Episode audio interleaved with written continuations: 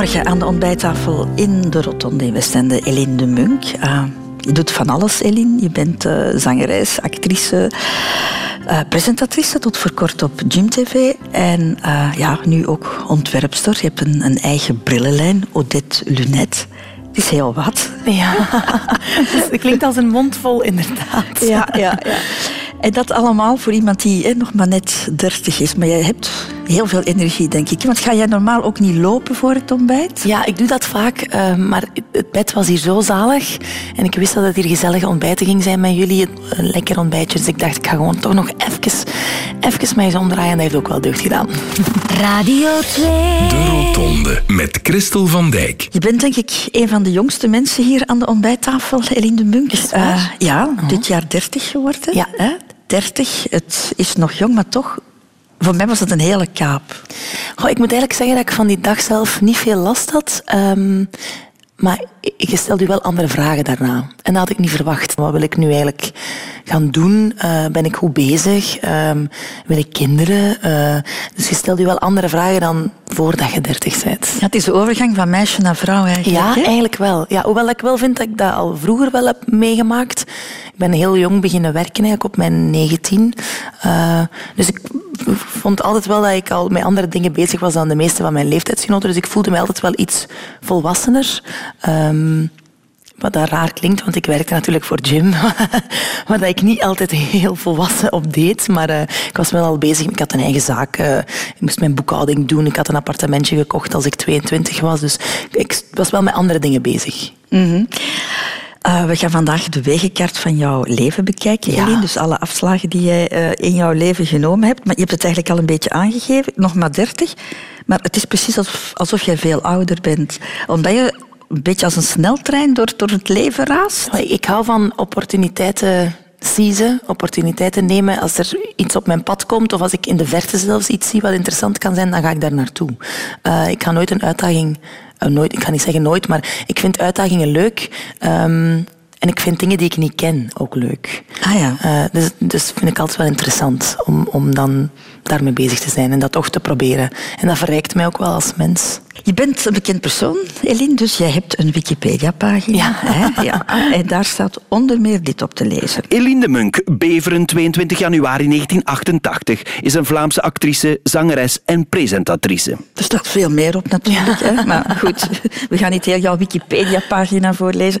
Maar het is geen volledige beschrijving van wie dat jij bent, want nee. er wordt niks gezegd over het meisje Eline de Munk, mm -hmm. hè? want dat is een periode waarin je gevormd wordt. Dus wij dachten, we gaan Han Koek even aan, uh, aan het werk zetten en heeft jouw Wikipedia-pagina een beetje aangevuld. Eline de Munk is geboren te Beveren op 22 januari 1988.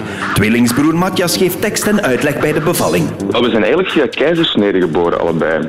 Eline, Eline is de oudste. Eline is er als eerste uitgekomen en ik um, volgde een minuut later. En dat Eline er als eerste was uitgekomen, zou Matthias nog lang blijven achtervolgen. Dus Eline is al de hele tijd doorgestoken. Hè. Um, zij was de oudste, dus zij, zij had het, uh, het voorrecht op alles. Um, de afstandsbediening van de tv was altijd voor haar. Eline's eerstgeborenschap had één nadeel. Aangezien Matthias tijdens de zwangerschap bovenop haar hoofd had gelegen, was hij wel de mooiste van de twee baby's. Die heeft het e eerste levensjaren rondgelopen met zo'n misvormd hoofd.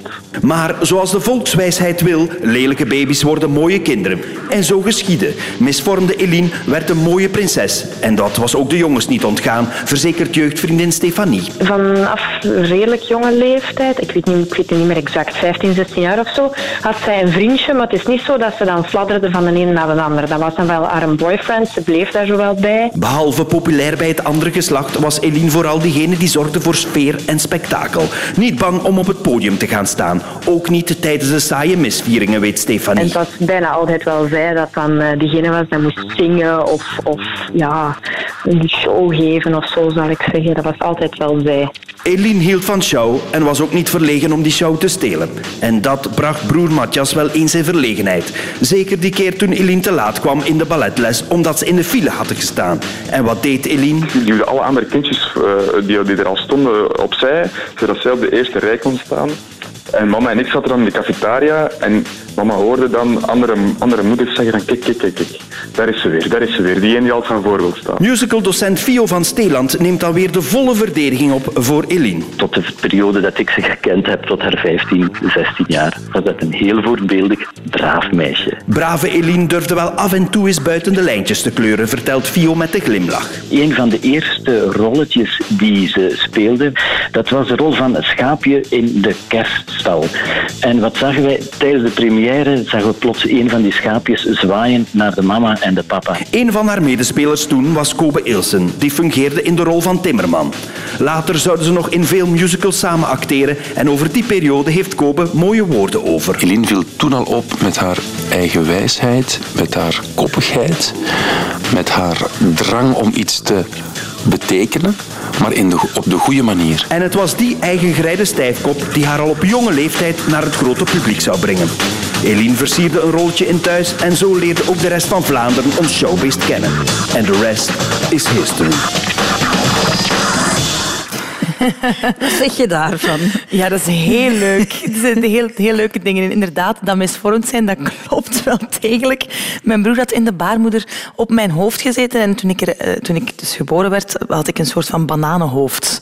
Uh, waar er heel lang mee gelachen is geweest. Vooral door mijn broer natuurlijk. Wat ik ook helemaal begrijp. En je komt er ook naar voren als een meisje die echt wel weet wat ze wilt en overal haar tanden in vastzet als het nodig is. Maar dat zal in de loop van het gesprek wel meer naar voren komen, zeker? Ja, maar ik wil mij toch excuseren bij die meisjes die ik opzij heb geduwd tijdens de balletles. Dat, dat was iets wat in mij zat. Ik wou gewoon leren. Ik wou, ik wou meedoen en ik wou alles goed zien en ik wou dat iedereen mij ook goed kon zien. Um, dus dat was wel uh, een iets minder trekje. Radio. Radio 2. Over de afslagen van het leven. De Rotonde. De eerste afslag in het leven is uh, geboren worden. Dat is een keuze waar je niks in te zeggen hebt. Maar Nee. het is wel bepalend voor, uh, voor je verdere leven. Je bent geboren in een gezin met twee kinderen. Ja. Je hebt nog een tweelingbroer, Matthias. Uh, ik ga het even schetsen. hè. Jouw gezin, papa was directiechauffeur en jouw mama was bejaardenverzorgster. Dus ik zou zeggen een, een heel gewoon door Ja. de weeks gezin. Absoluut. Een heel warm door de weeks gezin waar wij elke avond samen aten met mijn mama en mijn papa en mijn broer. Ehm, waar alles eigenlijk in het teken stond van ons. Dat besef ik nu heel erg.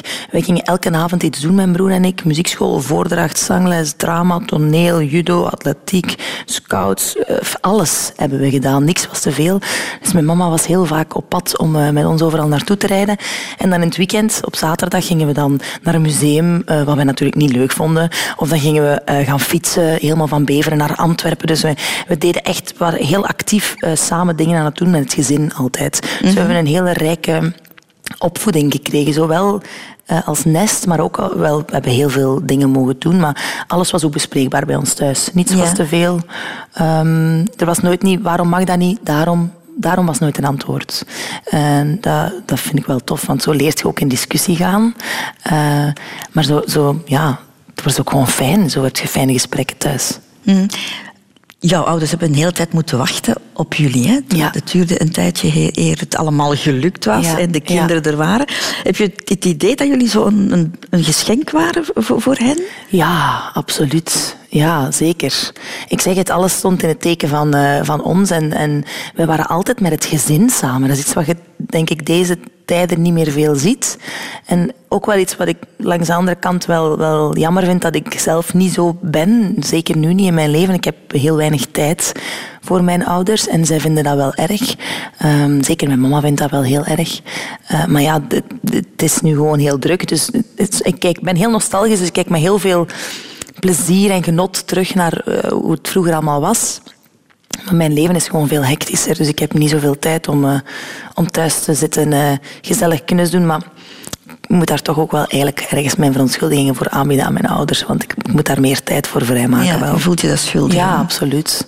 Alles kon, zei je thuis. Ja. Heb jij nooit moeten rebelleren? Ehm, ik heb wel gerebelleerd. ik heb dat niet gemoed, hè. ik heb dat wel gedaan. Ehm, maar niet op vlak van... Dat was dan eerder op... op ehm, ja, op, op, men, op mentaal vlak dat ik rebelleerde. Dat ik, dat ik de, de, de sterkste was. Ik wou ja, altijd wel heel graag dat het ging zoals ik het wou. Maar ik, ik luisterde ook wel. Uh, ik, ik, had altijd goede punten op school. Ik kwam thuis op het moment dat mijn ouders wilden dat ik thuis kwam. Um, dus op dat vlak luisterde ik altijd wel. Om, en ik maakte daar geen misbruik van, dus mocht ik ook veel. Je kreeg nooit het antwoord daarom? Nee. Nee, nooit. Dat is ook fijn. Soms lijkt het ook, weet ik niet hoe dat ze dat hebben gedaan, want soms is er precies ook geen ander antwoord dan ja, dat mag niet, ja, daarom niet. Hè, ja. Dat, is, dat iets wat je dan wel makkelijk zegt, maar om daar elke keer een heel duidelijke uitleg aan te geven, onderbouwd met eh, de visie die mijn ouders dan hadden en soms kon die ook bijgesteld worden. Hè? Soms was dat ook wel van oké, nee, we snappen jullie visie ook, of we snappen uw visie ook. Als we nu wat water bij de wijn doen, allebei, we zeggen we sluiten dan af op, op dat uur, of, of, of je mocht wel naar daar gaan, maar uh, niet lang. Of, um, dus er, er, was altijd ruimte voor, uh, voor discussie en voor openheid. Ja, er kon over seks gepraat worden bij ons thuis, er kon over, over drugs gepraat worden bij ons thuis, er kon over, uh, over ziektes gepraat worden, er kon over zelfmoord gepraat worden, er werd over, over alles gepraat. Er waren geen taboes. Jullie werden nooit veroordeeld voor wat jullie nee. deden? Nee, nooit. Mijn ouders hebben, en dat doen ze nog altijd niet. Ik heb best wel al wat uh, keuzes gemaakt in mijn leven die niet voor de hand liggend zijn een, een relatie hebben met iemand die 12 jaar ouder is en drie kinderen heeft, voor televisie gaan werken en daardoor stoppen met studeren, um, een, een, brillenmerk starten, um, als Elektra op een podium gaan staan, wat toch ook best wel spraakmakend was af en toe. Mijn ouders hebben me altijd uh, ons gesteund daarin. En zowel mij als mijn broer. Ben je zelf zo mild naar andere mensen toe? Um, nee, maar ik denk ook dat dat komt omdat ik die liefde van een ouder voor een kind niet, niet, niet ken. Omdat ik zelf geen kinderen heb, dat ik die liefde nog niet, die onvoorwaardelijke liefde en dat onvoorwaardelijk steunen, um, dat ik dat niet echt ken. Plus ik ben ook wel eh, zeer uh, doelgericht als persoon. Dus ik denk dat dat voor mij heel belangrijk is dat ik zo'n opvoeding heb gekregen. Als ik zelf ooit kinderen heb, wil ik dat ook op die manier doen. En dan ga, dat, ga ik mezelf vaak moeten inprenten van Eline, niet de keuzes van andere mensen willen bepalen. Laat uw kinderen zichzelf zijn en laat uw kinderen zelf bepalen wat zij willen gaan doen met hun leven. Je studies, Eline de Munk. Ja. Je ging naar het college in Sint-Niklaas. Dus ik neem aan een, een, strenge school. Ja, best wel. En een jonge school. Uh, er zaten in mijn jaar denk ik maar tien meisjes of zo. Echt heel weinig. Um, maar ik vond dat wel tof. Had je daar zelf voor gekozen om naar zulke school te gaan? Ik, ik wou nooit bij mijn broer... Um, in de klas zitten, want we hadden heel het lager al bij elkaar in de klas gezeten en op school gezeten. Dus ik had zoiets van, oh nee, ik wil dat onze wegen scheiden. Dus ik ging eerst naar Beveren, eh, in Beveren naar school gaan. Maar mijn broer had hem dan ingeschreven in het college in Sint-Niklaas. En dan, um, dan kon ik hem toch niet missen. En dan heb ik mijn keuze toch aangepast en ben ik mij toch ook ingeschreven daar. Je broer waar je zo regelmatig mee in de clinch lag? Ja, waar ik echt een, een kat- en uh, hond uh, relatie mee had eigenlijk. Uh, maar toch op een of andere manier denk ik dat ik dat ik dat toch niet fijn vond om niet bij hem dan op school te zitten. En we hebben zes jaar samen ook in het middelbaar gezeten. Niet altijd samen in de klas, maar ook wel uh, vanaf derde middelbaar samen in de klas. Een college is meestal een, een school met een, een, strenge structuur, met, met, met strenge regels. Een omgeving die toch wat haak stond, denk ik, op jouw thuissituatie, die vrij tolerant was. Ja, ja dat is wel zo. Um, maar ik had dat ook wel nodig. Ik heb niet het, aller, uh, het aller, allerhoogste IQ of zo. Uh, ik moest wel mijn best doen. Ik moest op, in de lagere school ook al mijn best doen voor school. Maar alleen mijn best doen, ja, het was niet dat ik uh, hoogbegaafd was en in een hoekje kon uh, gaan zitten en dat ik alles wist doordat ik het eens ene keer had gehoord dat door de juf die het vertelde. Ik moest wel studeren. Um, en ik deed dat dan ook. Dus ik had die discipline nodig.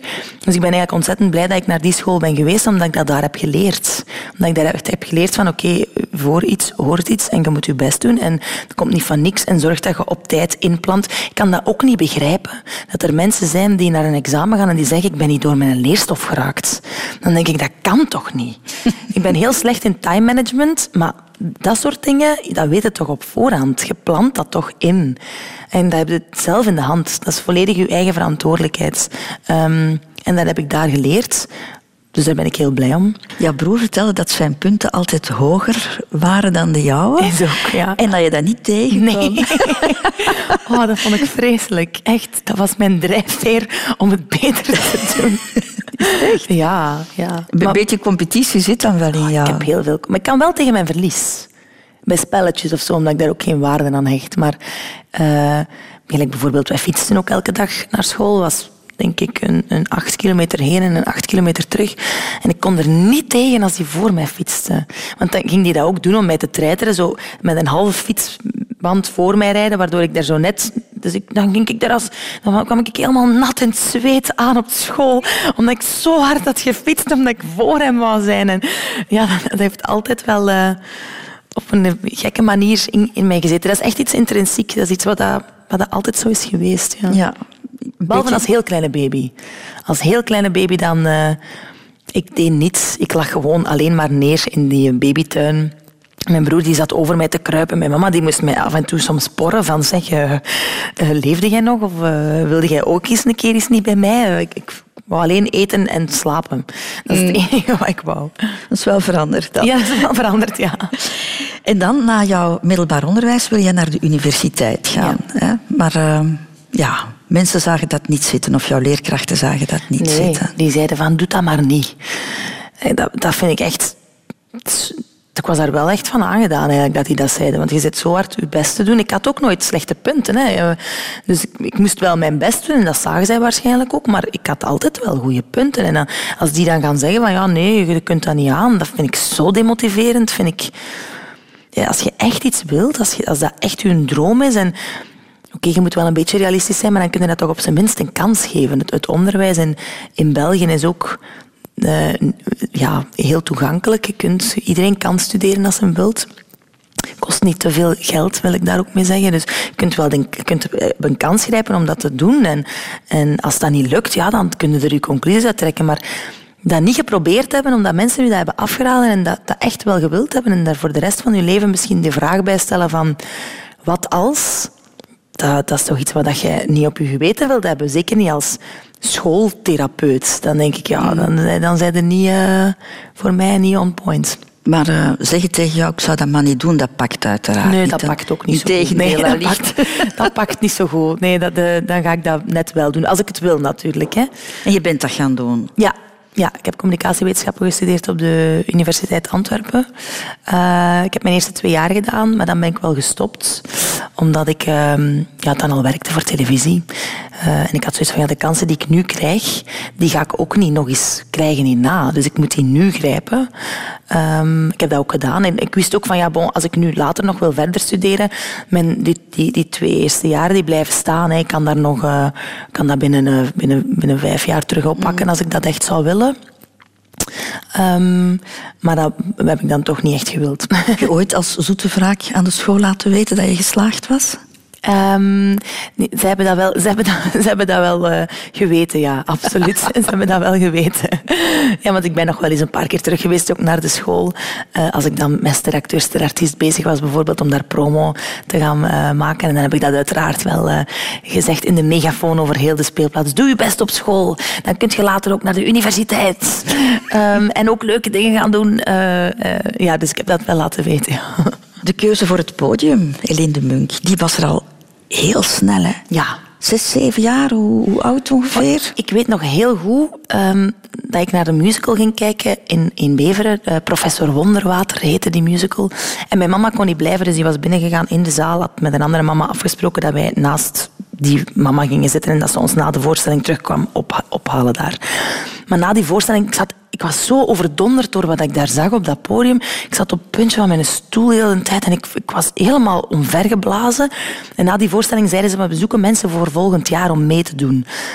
Eh, je moet je beneden gaan inschrijven. Dus ik, zonder iemand iets te zeggen, echt, ik moet, ik zal mij gaan inschrijven. Dus ik naar beneden. Ik wist alleen dat ik dus mijn hand opstak en dat ik vijf jaar was, dus vijf vingers liet zien. En dat mijn naam Eline was. Maar voor de rest wist ik niks. En boven stond natuurlijk heel dat kot op stelte, want ik was verdwenen. Niemand wist waar ik was. Uh, ze konden mij niet vinden. En ik heb wel dat jaar daarna dan meegespeeld uh, als, als zwaaiend schaap dan. Uh, toen nog in die musical van, van, ehm, van die organisatie. Dat is nooit gepusht geweest door mijn ouders. Integendeel, ik wou dan zo ook audities gaan doen voor, voor Studio 100 musicals. En dat hebben mijn ouders eigenlijk altijd afgehouden. Dus dat heb ik eigenlijk nooit gedaan. Um, maar dat zat echt wel in mezelf. Vreemd, hè? want jouw ouders ze gingen wat naar de dansschool, dacht ja, ik. Ja. Maar dat was toch alles wat er van, Ja. van een show... eh, Totaal geen, geen podiumbeesten. Mijn papa heeft wel heel lang eh, hobo gespeeld. En toen hij daarmee stopte, heeft zijn leraar op de muziekschool wel gezegd van je moet naar het conservatorium. Heeft hij dat niet gedaan. Dus hij heeft wel een of ander muzikaal talent, wel, mijn papa. Maar voor de rest in de familie is er eigenlijk niemand die... En mijn broer en ik, we hebben het allebei. Eh, wij zijn allebei ehm, bezig met artistieke dingen op onze eigen manier. Ehm, dus wel grappig, ja.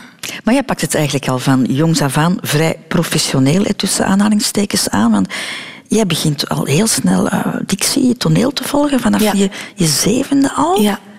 Dat was jouw eigen keuze? Ja, absoluut. Ja, en dan muziekschool ehm, en dan voordracht en drama en, en zangles. En, ehm, ja, ik, ik zat elke avond, denk ik, eh, op, de, op de muziekacademie om eh, dingen te, te volgen. Ehm, En dan thuis ook nog showjes spelen? ja, ja, toch ook wel. Tot Andere grote ergernis van mijn broer. winkeltje of moederken en vaderken. En, en, Ja, en, ik ging showken spelen thuis. Ja, ja, absoluut. Ja, dat is iets waar dat erin zit. Je, kunt dat, je kunt dat ook niet leren. Dat zoals iemand, je, ofwel kun je zingen, ofwel kun je niet zingen. Ik hoor soms je kunt dat wel leren om de juiste toon te houden, maar dat, dat is toch iets wat in je moet zitten, of, of net niet. Net zoals dat je kunt tekenen of niet kunt tekenen. Ik zal nooit kunnen tekenen. Ik, ik heb heel veel bewondering voor mensen die kunnen tekenen. Ik kan het niet. En ik, kan ik daar nog lessen voor volgen? Dat zit, dat zit gewoon niet in mij. Of mensen die heel goed zijn in, in, in atletiek of in keurturnen of dat soort dingen. Je hebt dat of je hebt dat niet. Dat is je, je talent en daarom is het ook belangrijk vind ik dat kinderen de, de kansen krijgen om, om die hobby's te gaan uittesten. Dat, dat ouders daar de tijd voor nemen om hun kinderen naar, eh, naar wat ze graag willen doen eh, te sturen. En, en, en dan als dat dan toch niet is wat ze willen doen, hup, dan iets anders. Ehm, Maar waarom heb jij dan niet na je middelbaar onderwijs gekozen voor een, voor een artistieke opleiding? Je had naar Studio Herman Teirling kunnen gaan of het conservatorium. Goh, omdat ik wel zekerheid wou in mijn leven. Ik had zoiets van, ja, maar ja, als ik dat dan ga doen eh, en dan wordt dat niks, eh, dan, zit ik daar. Dat was ook wel niet echt iets voor me. Ik wou wel iets, iets ehm, meer onderbouw, iets met meer zekerheid wel. Want ik had nooit ook echt, allee, het was niet mijn plan om in, voor televisie te gaan werken. Dat is eigenlijk gewoon gebeurd. Ik speelde toen theater met een, music, met een regisseur die ook eh, regisseur was bij Studio Amusement. Die onder andere Familie en Zonnestad en Spoed en eh, Louis Louise eh, maakte. Of gemaakt hebben of maken. En, en eh, hij zei van het is een open auditie, jij moet daar naartoe, ik ga dat regelen voor u. Dus dat was ook niet mijn... Dat was niet waar ik zelf naar op zoek was gegaan. En eh, dat was de allereerste auditie die ik ooit deed voor eh, televisie. En dat, dat, is meteen iets uitgekomen. Dat, dat- ze zochten toen daar niemand, maar ze zochten wel iemand bij thuis, wist die casting director. En die heeft aan mijn gegevens doorgegeven, ben ik daar auditie gaan doen en ben ik direct begonnen in thuis eigenlijk. Dus Daar speelde je Ambre, het liefje van Casper, de geadopteerde zoon van, van Waldek. Ja, ja. En, en dat, dat gebeurde gewoon. Ik weet nog dat ik daartoe kwam en dat ik echt...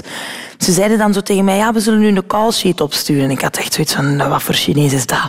Een call sheet.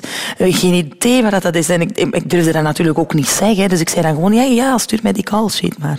Ehm, het is goed. En dan zo, wat is dan een call sheet? Dus dat blijkt dan gewoon een ja, ja, planning te zijn van wanneer dat je er net moet zijn, uw agenda eigenlijk.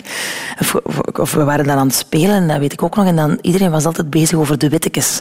Je moet zeker goed letten op de wittekes. Dus ik dacht, wie is de wittekes? Over wie gaat het hier eigenlijk? Maar dat wil dus eigenlijk gewoon zeggen dat als, als een tegenspeler een zin zegt dat je genoeg pauze moet laten, dat ze daarin kunnen monteren, dat ze dat kunnen losknippen van de andere persoon die iets zegt. Dus dat je een stukje wit moet laten. Dus op een bepaald moment vroeg ik aan, eh, aan Bart van Avermaat aan Waldek van... Ja, wie is dat nu eigenlijk, de wittekes? En die begon natuurlijk... Die begon natuurlijk heel hard te lachen, want die zei, het is geen persoon, het is gewoon het stukje dat je moet... Ik zo, ah, ja. Dus ik moest daar alles nog... Ik voelde me daar totaal eh, verdwaald. als ik daarbij thuis begon. Omdat dat was helemaal niet mijn habitat. Ik had dat alleen nog maar op, amateurvlak gedaan. Ik kende niets van dat vakjargon. Eh, ja, je moest dan zo wachten in je... gaat dan zo'n loge. Er stond dan zo'n bed. Ik had zoiets van, wat dat hier? Is dat hier een hotel? Dat? Heel, allemaal nieuw, maar daarom ook wel heel ehm, fascinerend. Maar ik merk dat ik van die eerste jaren, dat ik, daar, dat ik daar niet meer zo heel... Als ik daar mensen van terugzie van bij thuis die daar werkten, dat ik die allemaal niet meer herken. Dat was zoveel. Mijn spons eh, was direct gevuld met de, met de basics, dus ik had geen tijd om andere dingen eh, bij te leren toen. Ja. Had je toen het gevoel, hier begint het allemaal voor mij? Ja, ik had echt iets van, het is hier een nieuwe wereld. Eh, heel spannend. dus ik was t- super leergierig. En, en eh, eh, ook bijvoorbeeld bij, bij steracteurs, sterartiesten, als ik daar dan in mee mocht doen. Ik was altijd de enige die daar was, van s ochtends vroeg tot het allerlaatste voor de repetities, terwijl ik daar helemaal niets meer te, te zoeken had, want dat was acteur per acteur, die moest repeteren. Maar dat was zo nieuw voor mij, dat ik dat, die tijd nodig had om daaraan te om daaraan te wennen. En, en, en vrijdagavond was dat dan altijd show. En zaterdag lag ik een hele dag in mijn bed te slapen. Hè, omdat ik zo stik kapot was van dat mentale ook. Ik, dat, dat, dat was zo overweldigend. Ik was 19 jaar. Er is jouw carrière op televisie, Erin de Bunk. Je, je bent begonnen in Thuis. Eh, Daarna kwam nog eh, Louis Louise. Ja. Je hebt eh, ook, ook gezongen, uiteraard. Hè. Je hebt net verteld over steracteur, sterartiest. En er was het project Elektra. Ja. Daar moeten we het toch ook wel eens over hebben, want dat was toch iets, iets zeer speciaals. Hoe zou je Elektra zelf omschrijven? Ehm, goh, Elektra was een zeer kleurrijk, eh, speciaal alter ego. Ehm, ik vond dat zo leuk om te doen. Vooral ook de clips die we daarmee maakten. Eh, ik ben naar Japan geweest om een videoclip te shooten, naar LA geweest om een videoclip te shooten. Eh, we hebben een hele decors gebouwd voor een andere videoclip te maken. Dus voor mij was dat echt mijn, mijn uitlaatklep. Ehm, het was een, beetje de Vlaamse Lady Gaga, eh, wou ik daarmee ehm, zijn. Maar ik denk dat Vlaanderen daar nog niet klaar voor was of daar ook geen zin in had. Je had zoiets van, ah, doe maar al gewoon. eh. en ook, ik, ik presenteerde dan op Jim en ik acteerde dan in Louis Louise en ik was dan ook Elektra. Dus er was geen duidelijke noemer. Er was geen consensus over wie dat ik was en waar ik voor stond en, en wat, hoe dat Vlaanderen naar mij moest kijken. Wat ik ook wel snap. Maar ik ben er wel zeker van dat Elektra er wel voor gezorgd heeft dat Vlaanderen mij niet kon vergeten. Dat ik wel op een bepaalde manier top of mind bleef. Dus eigenlijk was dat toen al een soort van marketing. Ik wist ook van, ja, ik, ben niet de beste actrice. Dat hoef ik ook niet te zijn. is ook helemaal niet mijn ambitie. Ehm, ik ben ook niet de beste zangeres. En ik ben ook niet de beste presentatrice. Ik ben niet onderscheidend genoeg in die dingen. Dus ik wist van, als ik wil bezig blijven in televisie, dan moet ik zorgen dat ik op een bepaalde manier af en toe iets spraakmakend doe. En daar was een alter ego natuurlijk wel ideaal voor, omdat dat dan op een bepaalde manier goed allee, onder, onderdag geplaatst kon worden. Maar dat heeft mij toch wel... ehm, dat is niet altijd positief geweest eh, Nee, want we gaan het eens even schetsen. Jouw videoclips waren Ja. hè, sexy, een, Ja. beetje stout, Madonna-gewijs. Hè. Heb je Ja. ook een, een, een, vrouw, een vrouw gekust in, in een van die, eh, van, van die eh, videoclips. Dus ehm, je ging een stap verder, denk ik, dan, wat, dan wat Vlaanderen gewoon was. Ja, en dat vond ik ook fantastisch leuk om te doen. Ik heb, mij daar zo ik heb daar zoveel plezier in gehad, maar dan vooral ook in het, in het maken en het bedenken. Misschien was, eh, is het eerder bij dat creatieve proces moeten blijven en had het iets fictief moeten zijn, wat niet effectief tot uitgebracht werd, of toch niet door mij dan uitgebracht werd. Ehm, maar ik, ik betaalde zelf mijn videoclips voor de helft. Eh, eh, ik investeerde echt mee in het product Elektra. Want dat voor mij was dat een product. Ehm, omdat ik dat ook leuk vond. Dus ik was toen eigenlijk al bezig met, met het ondernemen en het in de markt zetten, marketing-wise, van een, van een product. Een heel ander soort product. Ook, ook, ik heb daar heel veel uit geleerd. Ook van hoe dat, als je bepaalde dingen doet, heeft dat gevolgen. Dan, dan zorgt dat dat mensen op een bepaalde manier naar je kijken. En dat heb je niet altijd zelf in de hand. Ehm is ook niet iets wat ik altijd begrijp, hoe dat het komt, dat, dat, dat er een bepaalde perceptie heerst. Maar over Elektra snapte ik dat natuurlijk wel. Hè. En had ik achteraf ook wel door van, wow, hier moet ik wel mee stoppen, want dat gaat... Want je hebt wel heel veel kritiek gekregen toen, hè? Ja, heel veel. Ja, Ja, we vonden ja. jou een beetje vulgair. Ja. eh, Ja. Dom ook, denk Ja, ik. ja. Je had zo een beetje die Hoewel ik dat- wel leeg hoofd, Ja, toch? en dat vind, ik, dat vind ik wel... Dat is helemaal niet waar. Allee, dat, ik weet dat dat niet waar is, maar ik vind dat ook jammer dat dat daaraan gelinkt wordt. Want ik probeerde net wel iets anders uit. En, ik, en dat was wel goed onderbouwd. Ehm, die clips waren supergoed gemaakt. Ik, ik weet niet of je er ooit een videoclip van gezien hebt. absoluut. Eh, dat, dat, was dat allemaal goed in elkaar. Het, het, het concept zat goed in elkaar, maar ik had, het, had dat gewoon niet zelf mogen uitvoeren, denk ik dan. Maar dan zou ik het ook natuurlijk niet leuk gevonden hebben, want ja, dat is wel wat ik net wou doen. Ehm, Maar, maar wat, wat doe je dan? Ah, Want je was nog jong en je krijgt Ja. al die bagger over je heen. Ehm, een, een, een groot schild voorhouden. Ik heb dat niet tot mij laten komen ehm, en dat is achteraf pas gebeurd. Eh, op die moment zelf was ik zo van nee en dat kan mij niet raken en dit is wat ik wil doen en dit is wat ik ga doen en wat dat mensen ook zeggen interesseert mij niet. Wat ook effectief op die moment zo was, maar dat was als een soort van ja, iets wat er achteraf wel is binnengekomen. Ik heb dat weggeduwd. Maar als ik dan ben gestopt met televisie te maken, ehm, nog niet zo heel lang geleden, drie jaar geleden denk ik, nu intussen, dan is dat wel allemaal binnengekomen. Dan was dat wel ineens van, oh, hoe, hoe, kijkt Vlaanderen eigenlijk naar mij? Wat heb ik eigenlijk allemaal gedaan in mijn leven? En, en hoe, ja, wat, zeggen mensen over mij? En dat, ineens kwetste mij dat heel erg en moest ik daar echt van bekomen. En heb ik daar echt eh, met, met een tijd voor nodig gehad om dat even te plaatsen. Want ik had dat eigenlijk nooit geplaatst. Ik had gewoon zoiets van, pff, whatever. Zo in een hele ja, een stoere attitude, omdat dat ook moest doen. Ik had daarvoor gekozen en ik kon, ik kon ook niet anders. ik, had, ik, ik, ik had daarvoor gekozen en ik wil dan ook wel staan voor wat ik kies. Ik wist op voorhand van, ik ga, ik ga met in Elektra beginnen. Ik had niet zelf meteen ingeschat dat dat beeld er zou zijn van mij dan. Ehm, maar ik kon ook niet meer terug. Ik kon niet direct terug. Ik moest wel volhardend zijn en, ehm, en doorzetten. En, en, en dan op een bepaald moment, denk ik na drie jaar, had ik ook wel zoiets van Elektra is nu is gepasseerd, het was goed, het was mooi, het is klaar. Ehm, Maar heb je ooit gereageerd op de kritiek die, je, die je kreeg? Nee. Toch niet dat ik mij kan herinneren. Ik zal misschien uiteraard wel eens een keer boos geworden zijn op iemand, maar ik denk dat dat ook niet slim is om daarop te reageren. Ik denk ook dat dat niet hoeft. De keuze om altijd jouw eigen koers te varen, Eline de Munk, en ook ja, altijd nieuwe uitdagingen te willen uitproberen, daar zou ik het ook eens over willen hebben.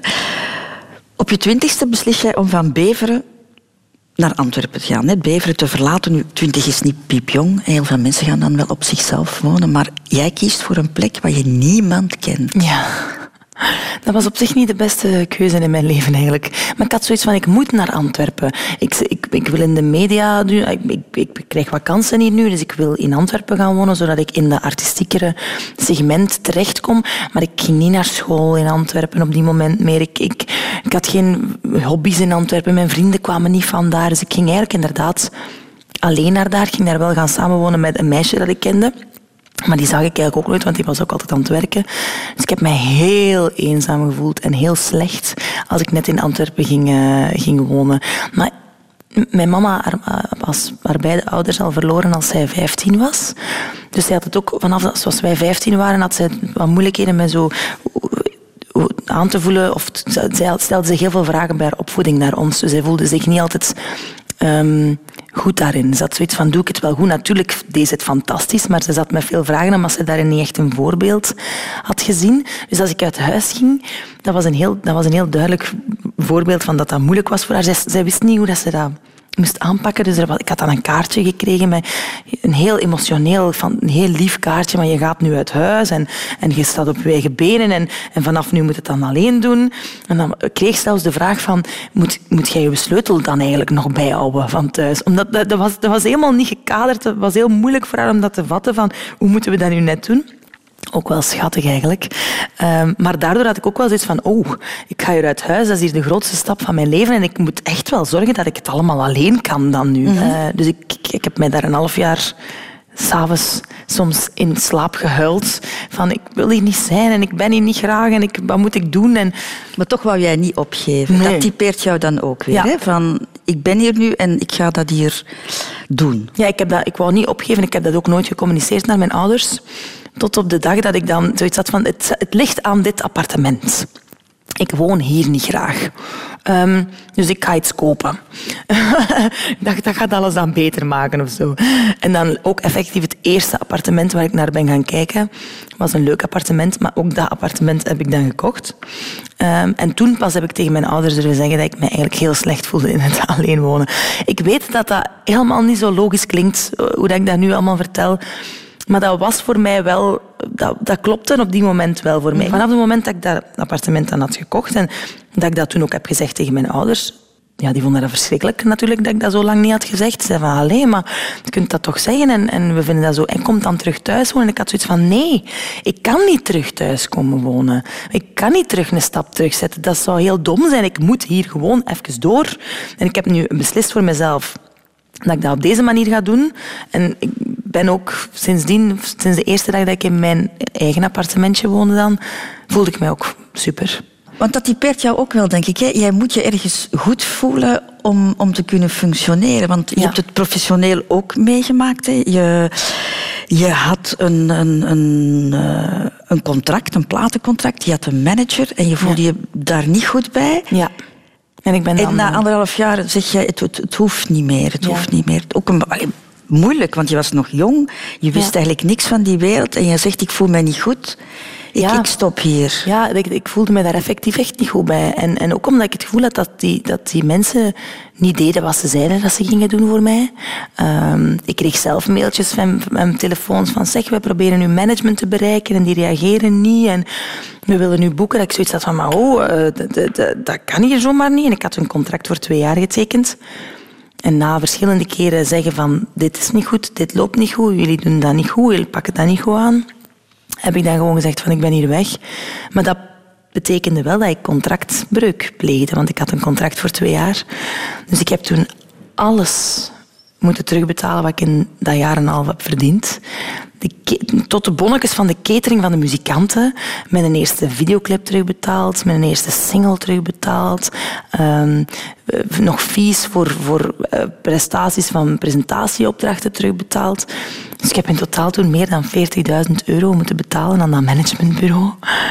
Maar ik had ook zoiets van, weten, als jullie het op deze manier willen spelen en als, als jullie vinden dat jullie zichzelf recht in de spiegel kunnen aankijken en zeggen dat het eerlijk is, ja, dan moeten jullie dat maar weten, maar ik blijf hier niet meer. Eh, Ik woonde toen nog thuis.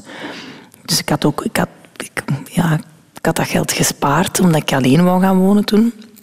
Dus ik heb dat gewoon allemaal afgegeven aan die manager. Liever dat dan, dan dat. spelen. Ja, dat, ik wist ook van als ik hier nog blijf, is mijn carrière dood. Want jullie doen niks voor mij. Jullie laten, jullie laten alles aanmodderen. Eh, Ik, ik krijg hier con- contacten van, van de zenders die zeggen dat ze mij willen laten casten. En jullie geven dat gewoon niet door aan mij. Jullie, eh, jullie laten mij daar niet gaan casten. Ik had zoiets van, dat kan toch niet? En, dat wil ik niet. Dat jullie maken mijn carrière dood. Ik stop hier nu. Ehm, en ik ben er ook zeker van, moest ik daar niet gestopt zijn, dat, ik voel dat. Dan zou mijn carrière niet verder gelopen zijn. Maar het was ook misschien een, een risico toen. Ja. Ook, ook misschien zoals je een risico genomen hebt door bij Gym TV te stoppen. Want jij was daar een van, van de belangrijke, belangrijkste gezicht. Je hebt heel fijne dingen mogen doen. Eh allicht een goed inkomen. En na zes jaar zeg je ook van, hier stopt het voor mij. Ja, ik vind als je niet springt, kun je ook nergens anders op vallen. Ehm, en ik was toen al bezig met de brillen. Ik eh, had daar net opgestart. Omdat ik, 27 was voor mij ook wel een cruciale leeftijd. Toen heb ik mij ook heel veel vragen gesteld over... ehm, wat wil ik eigenlijk? Ik, ik zat toen inderdaad vijf en een half jaar bij Jim. En ik had zoiets van, ja, ben ik wel goed genoeg als presentatrice om ergens anders door te kunnen groeien? Ga ik hier het verschil mee kunnen maken? Wil ik dit wel? Ga ik hier voor mezelf voldoende voldoening uithalen? Ehm, past dit bij wie ik ben? Eh, dat iedereen altijd een mening over mij heeft en dat het op deze, op deze schaal dan ook. Ehm, en ik had zoiets van, ik wil deze eigenlijk helemaal niet meer op deze manier blijven doen. Ehm, ik heb ook alles mogen doen bij Jim doen. Ik had alle toffe programma's gedaan. Dus ik kon alleen maar stagneren. En dat wou ik niet. Ik wou niet af, afbouwen. Ehm, ik had zoiets van, dan stop ik hier op een hoogtepunt. Ehm, dan, en ik heb dan mijn ontslag gegeven. ehm, met het gedacht van, er komt wel van alles op mijn pad. Er kwam dan niet zo heel veel tv-werk op mijn pad. eh, wat ook niet zo erg was, want ik had het heel druk met de brillen. Maar ik heb me dan gewoon heel hard gefocust op, eh, op, op mijn brillen eigenlijk. eh. sindsdien, ja. Mhm. Maar dat betekent wel dat je nu meer in de luwte zit en dat jouw bekendheid misschien ook wel afneemt. Ja, dat vind ik ook helemaal niet erg. Want nu kan ik tenminste gewoon lekker rechtuit zeggen wat ik vind en wat ik denk, zonder mij zorgen te moeten maken over wat dat men, of, dat, of dat ik daar iemand mee schoffeer. Of, ik wil natuurlijk niemand schofferen en ik wil altijd wel ehm, nadenken over wat ik zeg, uiteraard. Maar het hoeft niet meer verbonden te zijn aan, aan iemand die bekend is om om op televisie eh, aanwezig te zijn. eh, nee, ik, ik wil liever eh, bekend staan om iets wat ik kan en om iets wat ik, wat ik doe. Hè. Dat- een, een merk dat ik aan het uitbouwen ben, dan ehm, om mijn persoonlijkheid of om mijn uiterlijk. Je staat nu dichter bij jezelf dan toen. Ja, veel dichter. Ik voel ook dat dit veel meer is wat ik wil doen dan op televisie dingen doen. Dit is wat ik, dit is wat ik moet doen. Ik voel dat, dat, dat ik hier elke dag nog in bijleer en in, in groei en, dat het bedrijf bijleert en groeit en groter wordt en dat een vele, voor mij persoonlijk dan, hè, voor mij persoonlijk een veel interessantere uitdaging is. Presenteren was heel leuk, hè, maar het grote verschil is, denk ik, dat als, als presentatrice, ik was een, een schakel in het grotere geheel. Dus ik moest mijn, mijn job moest ik goed doen. En dat, dat deed ik ook mijn best voor om dat zo goed mogelijk te doen. Maar dat, is- dat hangt zo af van, van perceptie, van dan, hoe dat mensen naar u kijken. Maar nu ben ik het grotere geheel met de, met de brillen. Ik ben de eindverantwoordelijke. Ehm, niet gewoon een schakeltje in, in, in het gegeven. Dus dat, dat, dat maakt het veel groter en zwaarder. ehm, maar ook wel veel interessanter voor mij. De Rotonde. Over de afslagen van het leven. Het woord bril is al heel veel gevallen. Eline de Munk. Want na jouw afscheid van, van televisie, of van, je was er eigenlijk al mee bezig, maar nu ga je daar voluit voor. hè. Je hebt een, je hebt een eigen brillenlijn. Ja. Odette Lunet. Een hele stap, vind ik dat. Ja. Als jong meisje om te kiezen voor het ondernemerschap. Ja. De Vlaamse regering zal blij zijn, want daar wordt naar gestreefd. Veel meer jonge mensen moeten Ja. de start naar een eigen bedrijf nemen. Maar ik denk dat er ook veel mensen zijn, veel jonge mensen die de stap naar een eigen bedrijf zetten. En dat zijn misschien niet altijd ehm, ondernemingen die producten op de markt brengen. Dat zijn ook heel vaak ondernemingen die diensten op de markt brengen. Heel veel mensen zijn freelancer. Maar er is wel een heel groot verschil tussen een dienst aanbieden of een product aanbieden. Eh, dat wel, want ik, ik had ook zoiets als ik dan het idee had om, om met de brillen te starten. Ik ben al zelfstandige sinds mijn, sinds mijn 19. Ehm, dus ik had zoiets van, ik begrijp wel een beetje wat het is om zelfstandig te zijn. Maar dus die dienst aanbieden en die schakel te zijn in het grotere geheel, of het volledige grotere geheel zijn en een product aanbieden, dat is wel een, een ehm, dat ik toch wel een beetje onderschat. Ja, tussen droom en werkelijkheid ligt, eh, ligt een hele weg. Ja, ja, absoluut. Maar wel een heel interessante weg. Mhm. Je bent begonnen vanuit een passie, wat uiteraard eh, heel belangrijk is, Ja. denk ik. Hè. Je bent zelf heel je leven al brillendraagster. Ja. Die passie heeft jou een voorsprong gegeven? Die passie heeft mij een voorsprong gegeven. En we moeten een kat een kat noemen, die bekendheid ook. Hè. Ehm, ik zou nooit met een, met een brillenmerk gestart zijn, moest ik, eh, moest ik deze eh, USP niet hebben, deze unique selling points niet hebben. Moest ik geen voorsprong hebben op dat vlak. Heeft, heeft jouw gezicht, ja, heeft dat, eh, heeft dat geholpen? Tuurlijk. Ehm, daarom niet per se mijn gezicht, maar wel het feit dat er een, een bekend, eender welk bekend persoon die eraan verbonden zou zijn, die ook een bril draagt. Het, was één plus één was drie. Eh, het is niet zomaar een, een bekend gezicht die een kledingmerk start of die een schoenenlijn opstart, maar mensen kenden mij als brildraagster. Ehm, ik werd er ook heel vaak op aangesproken. En daaruit is ook die, die missie ontstaan. Om, ik kreeg heel vaak de vraag van, oh, van waar zijn uw brillen? Want ik vind nooit een bril die bij mij past. En die van u zijn altijd leuk. En ik voelde een, een missie in mijzelf naar boven komen. Van, ik begrijp u. Ik moet ook altijd heel lang zoeken naar een bril ehm, die bij mij past. En, en ik, ik snap dat als je eigenlijk niet graag een bril wilt dragen. En je moet er toch een dragen, omdat je niet tegen lenzen kunt, zoals ik zelf.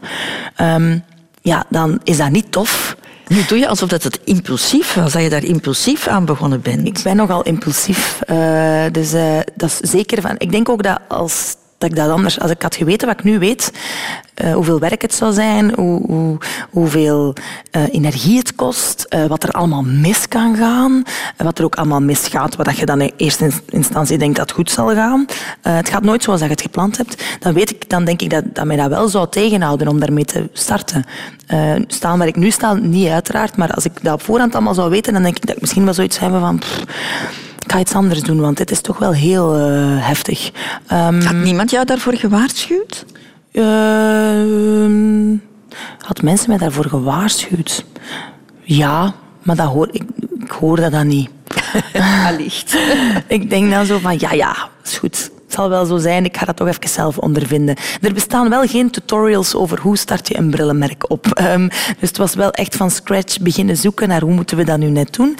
Dus we zijn naar de grootste brillenbeurs in Europa geweest, de Silmo-beurs in Parijs. En daar met producenten gepraat, met agenten gepraat, met de distributeurs, met, de, met andere merkeigenaars gepraat van hoe, hoe, hoe doet je dat nu eigenlijk? En dan zijn we redelijk snel tot de conclusie gekomen van ja, we gaan de stap, uh, we gaan de stap zetten. Um, mijn spaarcentjes daarin gestopt. Um, ook van mijn vernoot. We hebben geen extern kapitaal. Wij zijn een, um, een zelfbedruipend uh, bedrijf.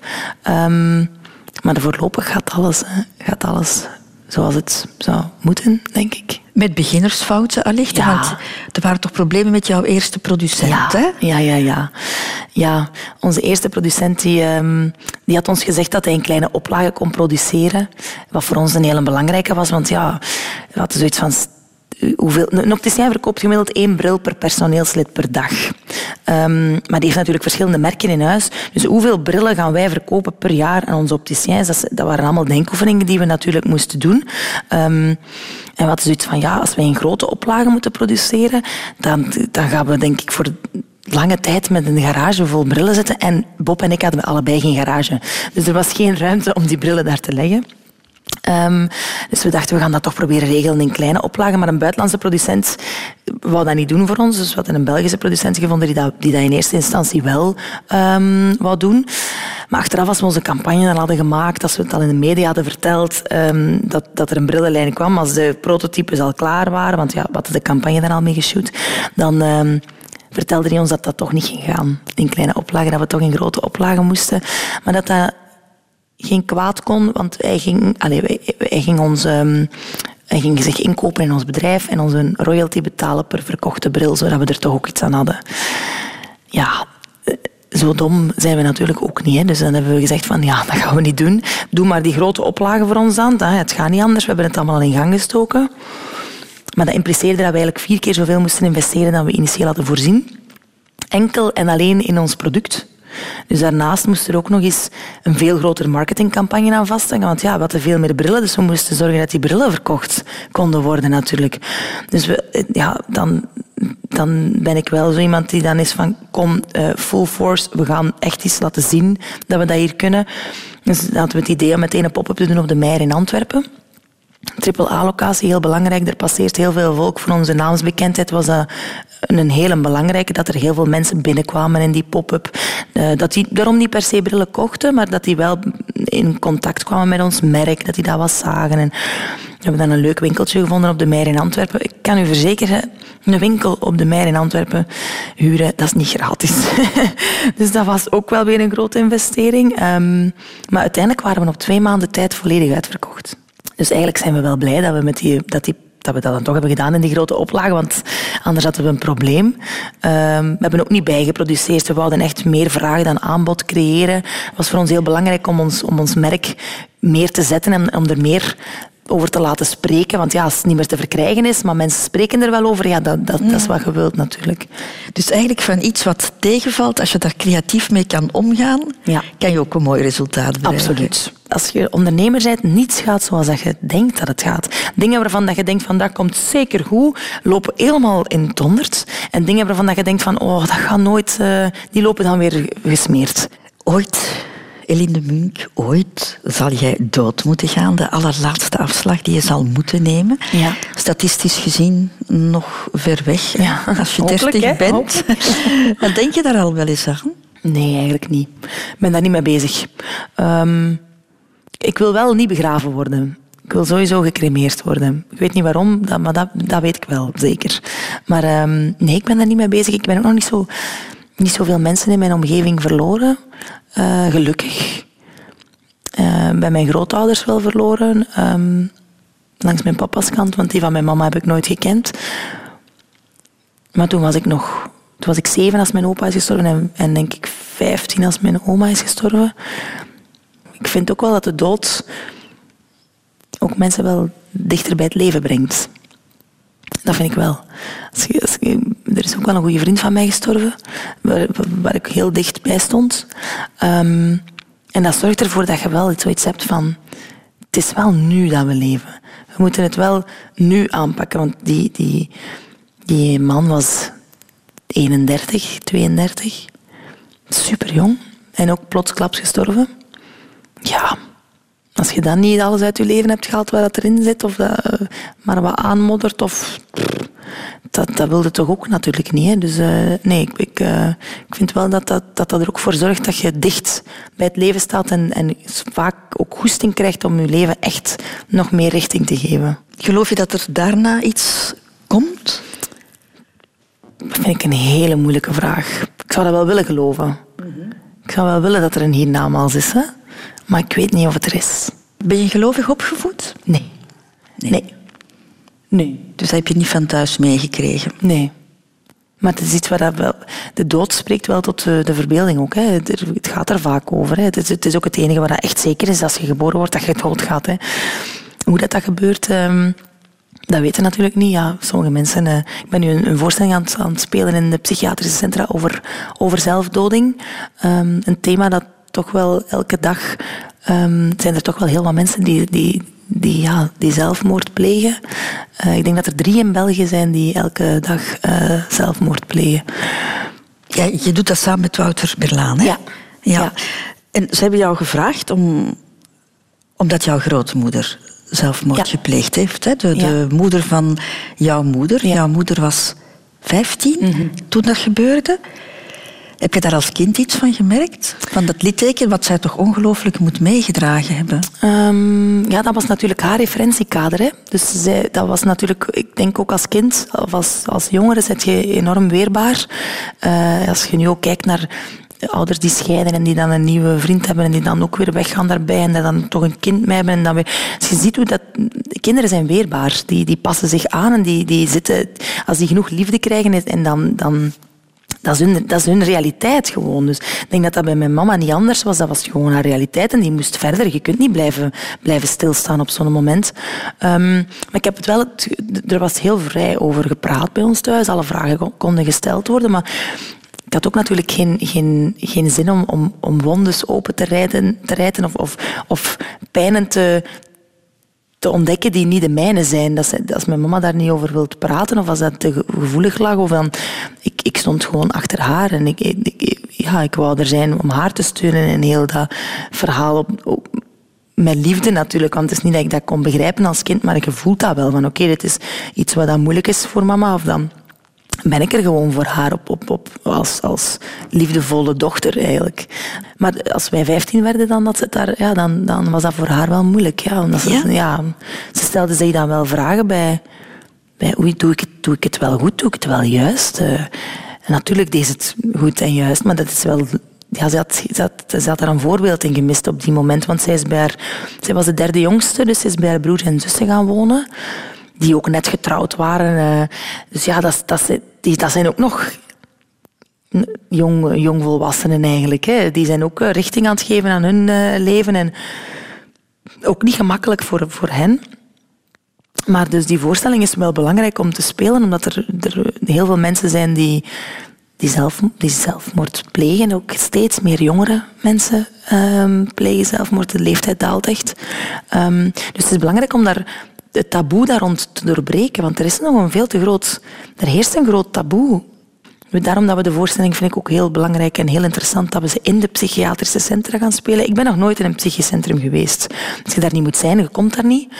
Um, maar het is denk ik fijn om dat wel eens te kunnen voelen van hoe is dat hier, hoe is die sfeer hier, Dat is geen zottenhuis, hè. Dat wordt ook vaak zo bestempeld als... Dat is niet dat, hè. Dat is eigenlijk een kuuroord voor uw geest. Om even tot rust te kunnen komen. En, en als je het moeilijk hebt, moeilijk hebt, dan wordt dat heel vaak beschouwd als een zwak zijn. Dat is net sterk zijn, je kwetsbaar opstellen en daar, daarin durven gaan staan van ik voel mij niet goed en ik wil, ik wil dat veranderen. Dat is, vind ik persoonlijk heel, een heel, iets heel sterk. Maar mensen hebben daar precies schrik van. Zo van, oei, uh, blijf maar, als je je niet goed voelt mentaal, uh, blijf maar uit mijn buurt. Het is, het is precies wel besmettelijk of zo. Mm um, maar de voorstelling wordt eigenlijk gemaakt voor mensen die suicidaal zijn. Maar ook voor hun vrienden en hun familie of, of voor nabestaanden van, van mensen die iemand verloren hebben aan zelfdoding. Maar ook gewoon voor mensen die, en dat klinkt nu fout, gefascineerd zijn door, eh, of, of geïntrigeerd zijn door, door het thema. Als je dat uitspreekt met die woorden, dan is het al van oei, eh, terwijl dat kan wel. Hè. Wat is dat eigenlijk net? Wat, ja, wat doet dat met mensen? Als hoe voelen mensen zich die suicidaal zijn? En als je dan in zo'n centrum bent, kun je ook meteen met hulpverleners praten. Als je extra vragen hebt of als je dingen wilt weten. Eline de Bunk, er is nog de afslag toekomst. Ja, natuurlijk. Ik denk dat jouw brillen wel de prioriteit zullen hebben. Maar blijf je ook op het podium staan? Ja, ik vind het heel verfrissend om beide te combineren. En eh, dat als ik dan veel aan het spelen ben, dan, dan haalt dat mijn gedachten even weg van de brillen. En als ik veel met de brillen bezig ben, haalt dat mijn gedachten even weg van het podium. Dus ik vind het een heel leuke afwisseling. Het ene is heel rationeel en het andere is eigenlijk heel emotioneel. Dus het is ook een heel fijn evenwicht voor mij om tussen te balanceren. En, en ik heb beide wel nodig. Mm dus ik ga beide blijven doen. Maar natuurlijk is het doel wel met de brillen uh, world domination. Dus, world domination. je, moet, je moet durven dromen en je moet durven dat soort dingen luidop uitspreken. Ik vind dat wel vaak zeggen mensen dan van oei, ik zeg maar ik zeg niet dat dat gaat lukken, hè? maar dat is wel mijn doel, dat is wel mijn droom. Um, ik, en ik ga er alles aan doen om dat te proberen bereiken. Dat, voor hetzelfde geld faalt dan en bestaat het binnen drie jaar niet meer omdat we verkeerde beslissingen hebben gemaakt. Kan altijd. Maar um, ik geloof er wel in en ik wil er wel 100.000 procent, ook al gaat dat niet, voor gaan. Zo heb ik jou leren kennen. Ja. Uh, een meisje met een sterk kapitaal aan talent, maar vooral ook een kapitaal aan vastberadenheid en, en niet opgeven. Nee. Het was fijn om met jou te ontbijten. Insgelijks, insgelijks. Nog één ding, en dat is het, uh, het gastenboek. Zo eindigen we hier uh, ons gesprek. Dus het zou fijn zijn mocht je er ook iets in schrijven. Ja. Lieve Christel, Veerle en Eva, wat een magische plaats en concept. Tijd nemen om uitgebreid bij een heerlijke maaltijd van Veerle, tussen haakjes, waarvoor mijn smaakpapillen u zeer dankbaar zijn, sluit haakjes, kennis te maken hoort helaas niet meer bij deze tijdsgeest. Alles flitst en raast in deze maatschappij. Stilstaan, terugblikken en vooruitkijken met een visie is wat de Rotonde als doel heeft. En of het geslaagd is. Als ik nog eens echt wil bezinnen of mediteren, dan weet ik jullie te vinden. Bedankt voor de warmte, openheid en interesse, Eline.